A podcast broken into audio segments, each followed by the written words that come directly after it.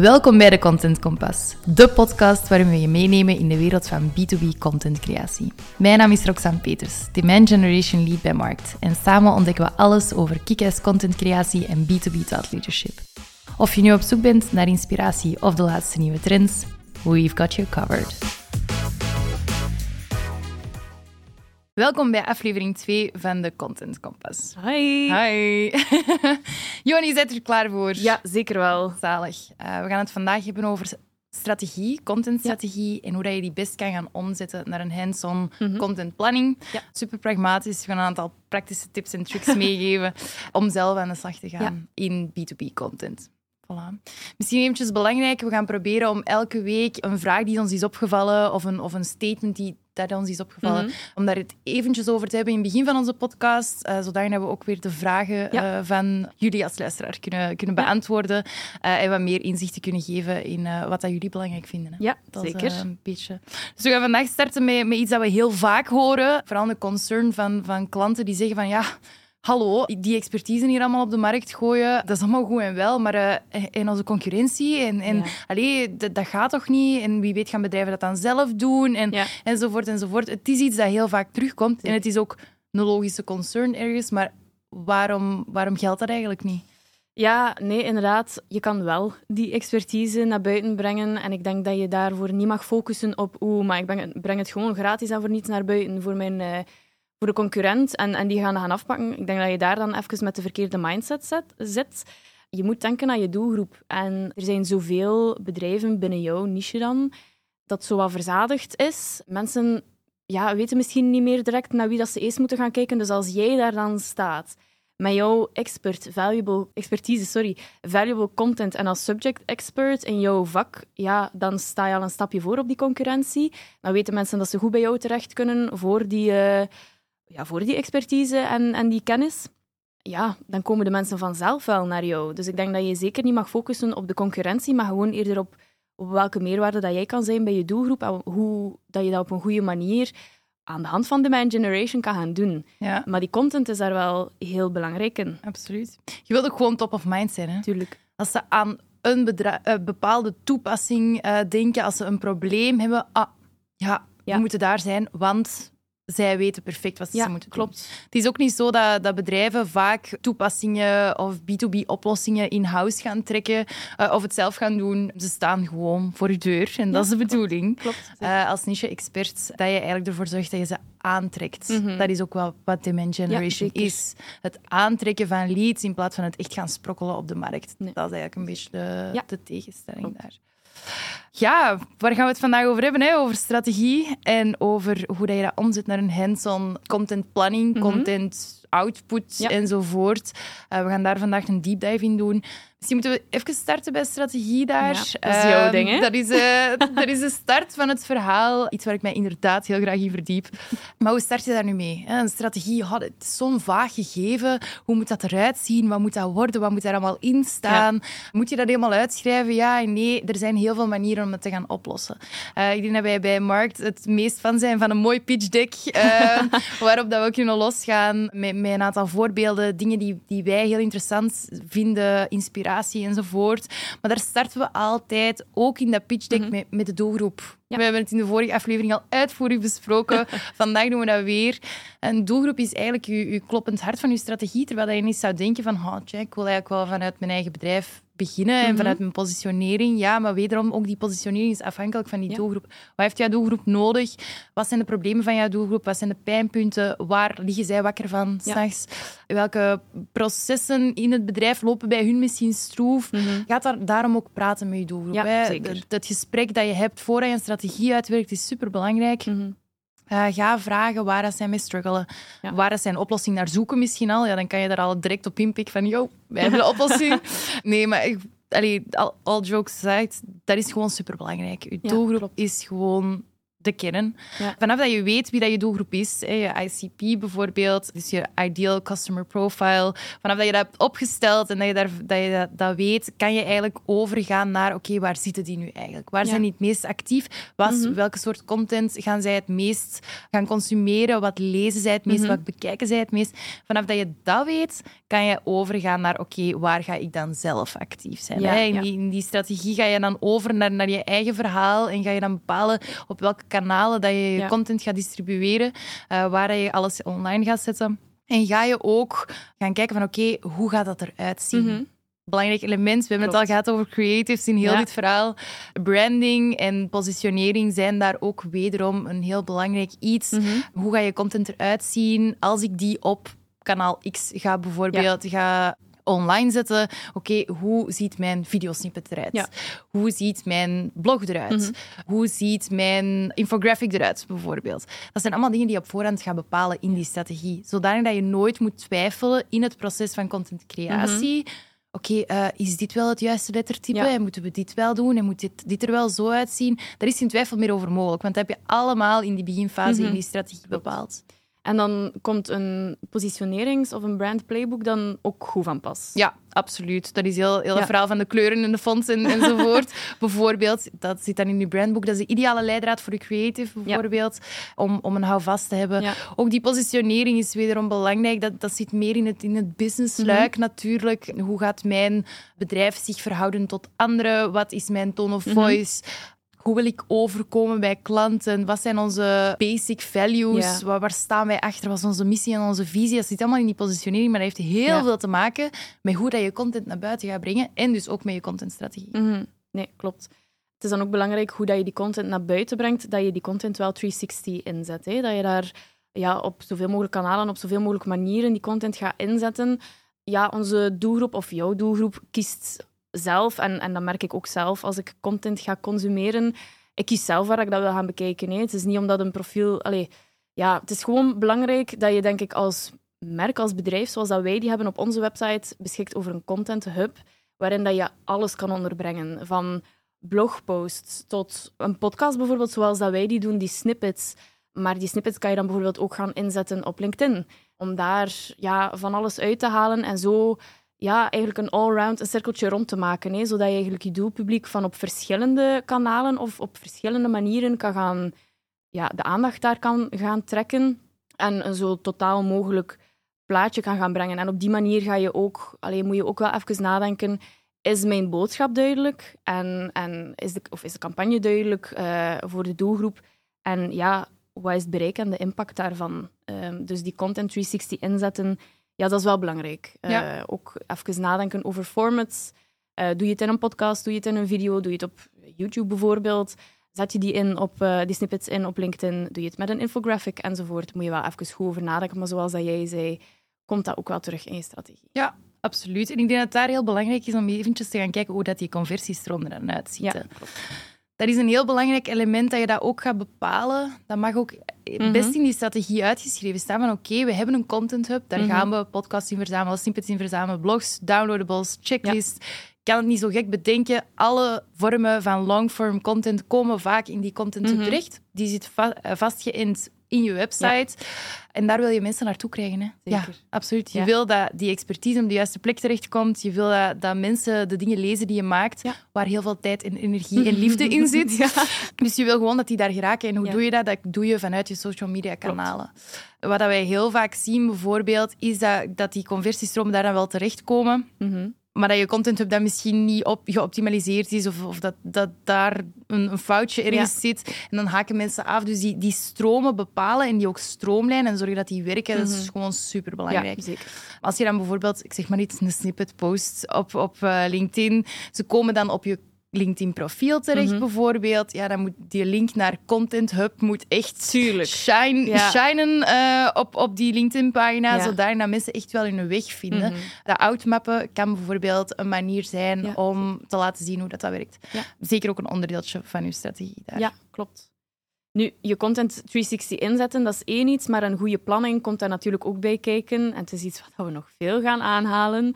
Maar het is wel een heel belangrijk element, denk ik, hè? Ja. in het hele content-creatiestuk van demand generation. Ja.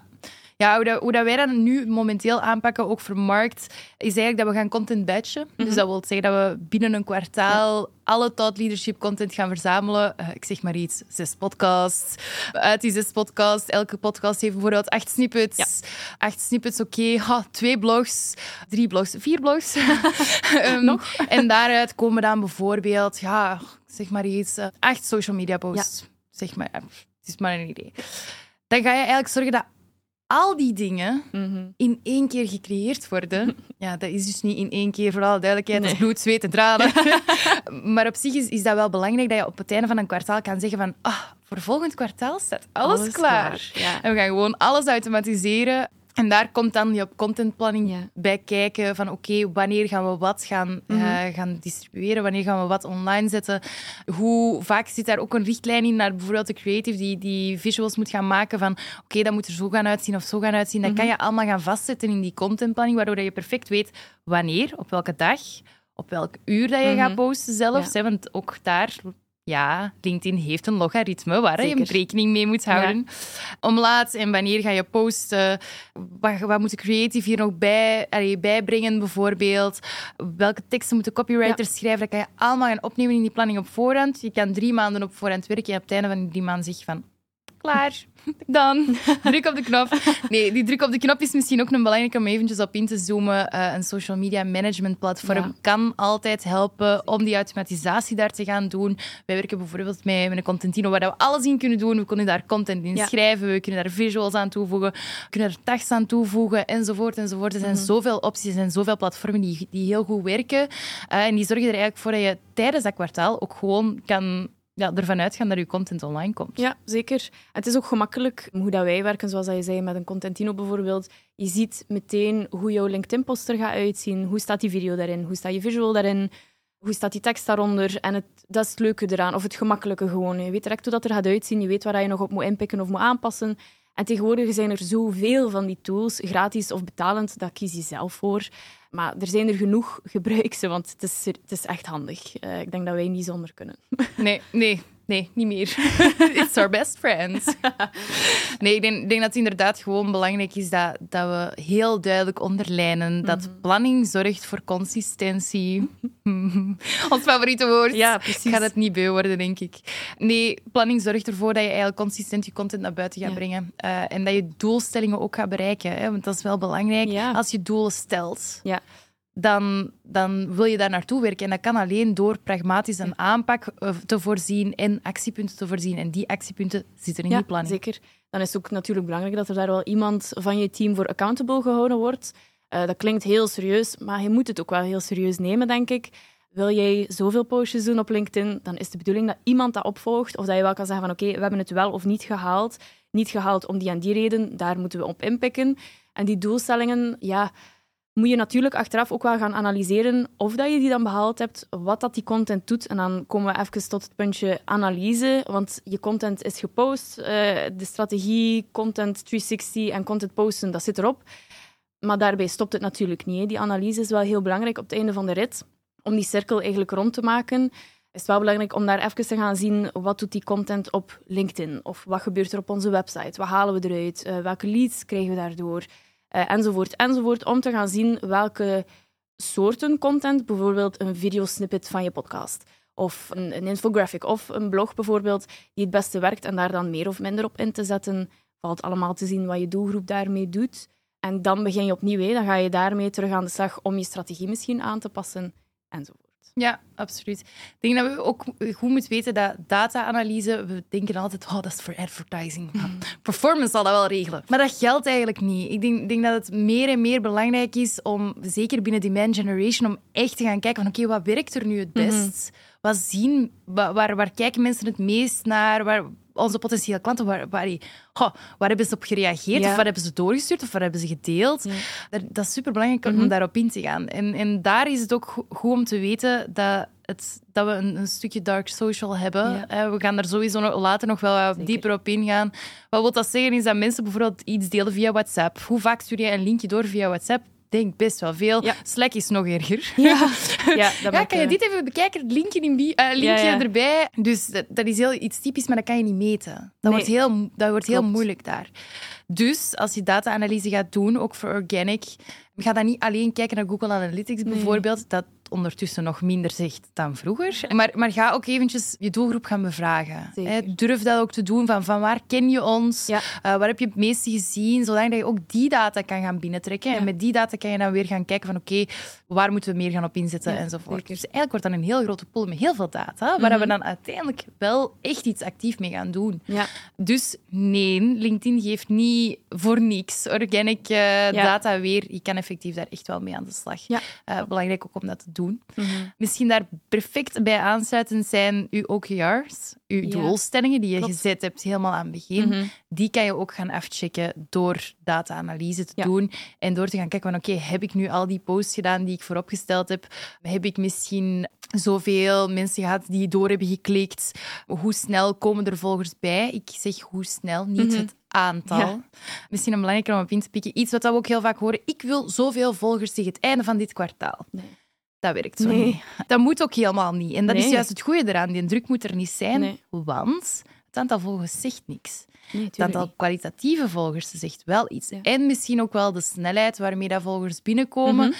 In de zin van, als je merkt dat het wat stagneert, dan wil dat zeggen dat je misschien wel eens iets moet gaan aanpassen aan de strategie. Ja, het is niet omdat uh, jij bijvoorbeeld, zeg nu, uh, eh, 500 volgers erbij krijgt in een maand, dat dat daarvoor iets doet voor jouw bedrijf. Het is vooral wat ze ermee doen, zoals je zei. Kunt hij 500 volgers hebben, maar als er daar maar zeg nu 100 eh, van die 500 effectief doorklikken of iets doen met jouw content, ja, dan heb je niets aan 500 volgers. Dus daar mag je zeker niet op, uh, op vastpinnen. Het is gewoon belangrijk om die bepaalde OKR's te, te, gaan vaststellen en dan op het einde van de rit in die analyse gewoon even punt per punt. Wat hebben we behaald? Waar ligt het aan? Wat gaat er goed? Wat gaat er minder goed? En op die manier even terug opnieuw beginnen. Dat is een hele boterham. Klinkt ook allemaal heel veel. Het is heel veel. Maar het loopt allemaal in elkaar over, denk ik. Hè. Allee, als ik dan kijk hoe, dat wij, het, um, hoe dat wij het aanpakken of hoe, hoe dat ik het ervaar bij ons. En het zijn gewoon allemaal stappen die cruciaal zijn als je het goed wil gaan doen bij de Man Generation. En die, ja, hoe, hoe langer, hoe meer dat je het doet, gewoon hoe soepeler dat allemaal loopt, denk ik. Ja, absoluut. Ik denk dat we, uh, dat we ja, rond zijn voor vandaag. Ik denk dat we heel veel besproken hebben. Ja. Dat het ook een hele boterham is. Er zijn heel veel actiepunten, uh, heel veel hands-on tips.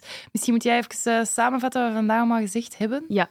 Eerst en vooral, ja, deel die content. Denk niet aan je concurrent, denk aan je doelgroep. Hoe kan je die het best beetpakken? Op welke manier? En deel gewoon, of laat gewoon weten dat je daar de subject expert in bent en dat ze bij jou altijd terecht kunnen. Daarnaast is het belangrijk om te starten bij je strategie hoe, hoe gaat die content eruit zien? Welke OKR stel je daarbij vast? Wie is er daar accountable voor? Stel je je brand playbook voor, uh, zodat zowel voor je contentteam als voor je creative, als voor eender wie nieuw in je team is, dat voor iedereen duidelijk is wat je doelstelling is, wie je doelgroep, op welke manier enzovoort.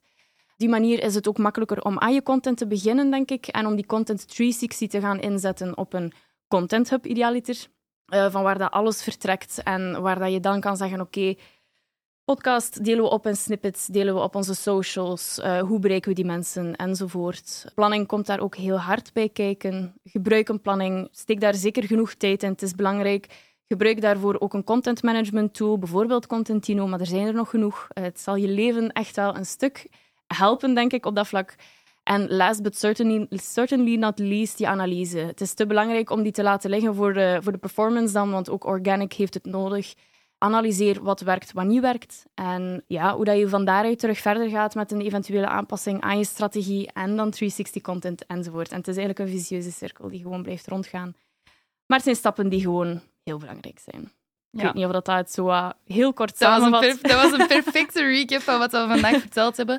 Joni, bedankt om hier te zijn vandaag. ik ga jullie ook vragen om, moesten er vragen zijn, moesten er dingen in je opkomen van, oh, dat, sorry, daar, wil, daar wil ik echt meer over weten. Uh, stuur ons gerust uh, via LinkedIn een berichtje. Dan kunnen wij jouw vragen beantwoorden in de volgende aflevering. Zeker, die zijn altijd welkom. Merci voor het luisteren. Top. Salut! Bedankt voor het luisteren naar deze aflevering van de Content Compass. Spaar jij graag rond B2B contentcreatie of wil je meer weten over de laatste nieuwe trends? Volg ons dan zeker op LinkedIn. Fan van onze podcast? Deel hem gerust met je netwerk en abonneer je via Spotify of Apple Podcast. Talk to you soon.